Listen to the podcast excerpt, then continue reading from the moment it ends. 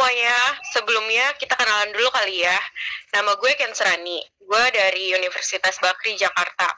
Di sini kita mau ngejelasin tentang podcast perdana kita yaitu tentang seputar body shaming, switch your thought. Di sini gue nggak sendiri karena gue ditemenin sama Indah Sari. Kita berdua bakalan nemenin kalian selama beberapa menit dan tentunya kita akan membahas tentang bagaimana body shaming itu terjadi dan apa dampak yang akan ditimbulkan terhadap si korban. Oh iya, sebelumnya gue mau jelasin ke kalian kenapa kita memilih tema Switch Your Thought untuk campaign kita. Karena untuk sekarang ini, kasus mengenai body shaming yang terjadi di kalangan masyarakat, terutama di kalangan remaja, semakin bertambah setiap harinya. Oleh karena itu, di podcast ini kita akan mengetahui bagaimana bahayanya body shaming jika kita masih terus dibiarkan. Nah, tentunya di sini kita akan melakukan sesi, sesi tanya jawab, sekaligus memberikan masukan kepada masyarakat, terutama di kalangan remaja, agar mereka lebih mengerti lebih luas tentang apa dan efek dari body shaming tersebut. Oh iya, kita di sini bakal ngasih tahu ke kalian kenapa kita milih dia sebagai narasumber. Karena katanya dia juga pernah menjadi salah satu korban body shaming loh. Langsung aja kita sapa. Narasumber kita yang cantik yaitu Nadia Syafira. Halo Nadia. Hai. Gimana kabarnya Nat? Baik? Baik, baik.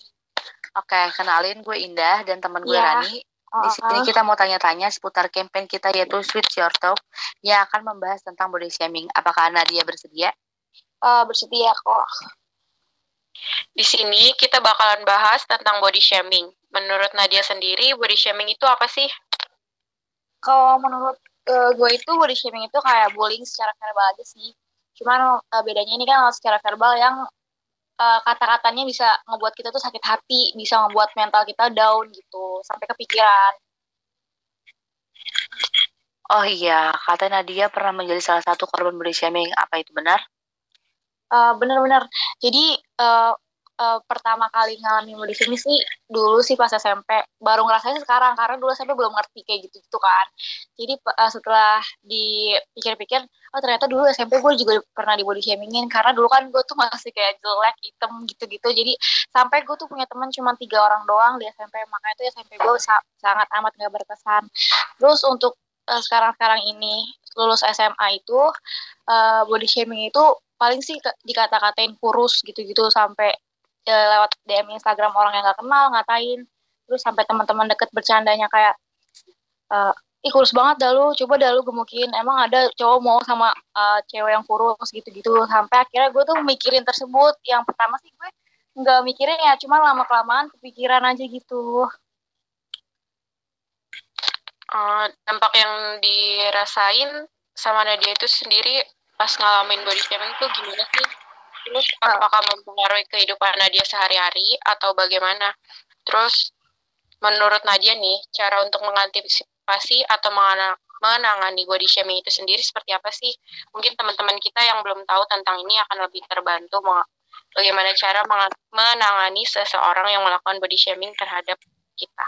Uh, untuk dampaknya sih yang dirasain sih sebenarnya kerasa sih kalau misalnya kerasannya itu misalnya kita lagi sendirian atau sebelum tidur nih kita kan kalau misalnya sebelum tidur sendirian mikirin sesuatu nah itu tuh kadang omongan-omongan mereka itu kepikiran sampai kayak anjir emang gue seburuk itu ya kayak gitu loh sampai kalau misalnya gue sih dijadiin motivasi buat jadi buat bayar omongan mereka gitu lah. Nah, uh, kalau misalnya mempengaruhi hidup kehidupan sehari-hari sih sebenarnya nggak sampai segitunya ya, karena menurut gue body shaming yang gue alamin belum terlalu parah. Mungkin ada yang lebih parah sampai benar-benar down malas ngapa-ngapain cuman kalau gue masih di level biasa lah masih bisa ditanganin gitu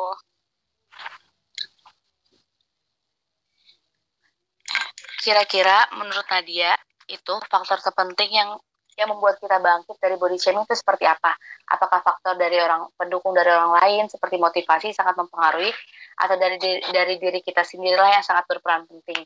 Karena yang kita lihat sejauh ini seseorang yang berdampak dari body shaming lebih banyak merasakan down, stres, depresi, seperti itu. Menurut Nadia gimana?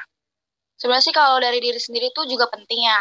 Cuman e, balik lagi kalau misalnya diri sendiri kita udah bangkit, tapi omongan dari orang-orang sekitarnya yang ngebuat kita jatuh lagi, itu tetap iya, aja. Banget. Jadi jadi tuh oh, untuk orang-orang sekitar nih biasanya ini kan kalangan teman-teman nih yang suka pada ngomongan sembarangan yang padahal itu bercanda tapi kadang tuh bercanda tuh suka ngebuat sakit hati jadi kayak kurang-kurangin lah bercanda-bercanda kayak gitu gitu aja sih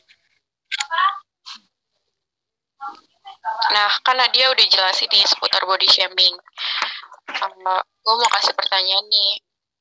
Um, bisa nggak sih lo nyampein untuk orang-orang yang body shaming itu biar mereka ada gambaran lah, soalnya biar nggak usah, biar nggak ngelakuin hal tersebut lagi. Kalau misalnya buat uh, yang body shamingin orang yang gak kenal nih, kadang kan suka cuma ngeliat dari Instagram, cuma kayak, ya anjir tuh orang gendut banget, ya anjir ya orang begini banget gitu, kayak itu gak usah lah kurang-kurangin. Apalagi tuh buat teman-teman teman-teman deket yang kadang bercandanya sangat berlebihan banget yang ngebuat kita tuh jadi kayak anjir padahal tuh sakit hati cuman kayak karena teman kan anjir masa gue baper sih gitu loh. Tapi tuh itu kata-kata tuh ngebuat kita sakit hati. Jadi mending kayak kurang-kurangin aja. Ngasih tahu tuh boleh cuman kayak ada caranya tersendiri gitu. Oke, Nadia sudah jelasin semuanya tentang body shaming yang dia rasain. Jadi pertanyaan itu juga uh, sebagai penutup dari podcast perdana kita. Nah, hmm. jadi buat kalian semua yang mendengarkan podcast ini semoga bermanfaat dan lebih berhati-hati dalam berucap atau menjudge orang karena Betul. itu bisa bikin sakit hati. Nah, untuk Nadia juga terima kasih banyak sudah hadir dan mau berbagi ya, cerita sama-sama. seputar tema kita. Thank you ya Nadia. Oke Nadia, ya, terima kasih sudah meluangkan waktunya. Oke, okay, okay. Oke semuanya bye guys. Bye. Sampai ketemu di podcast selanjutnya. Yo, dadah.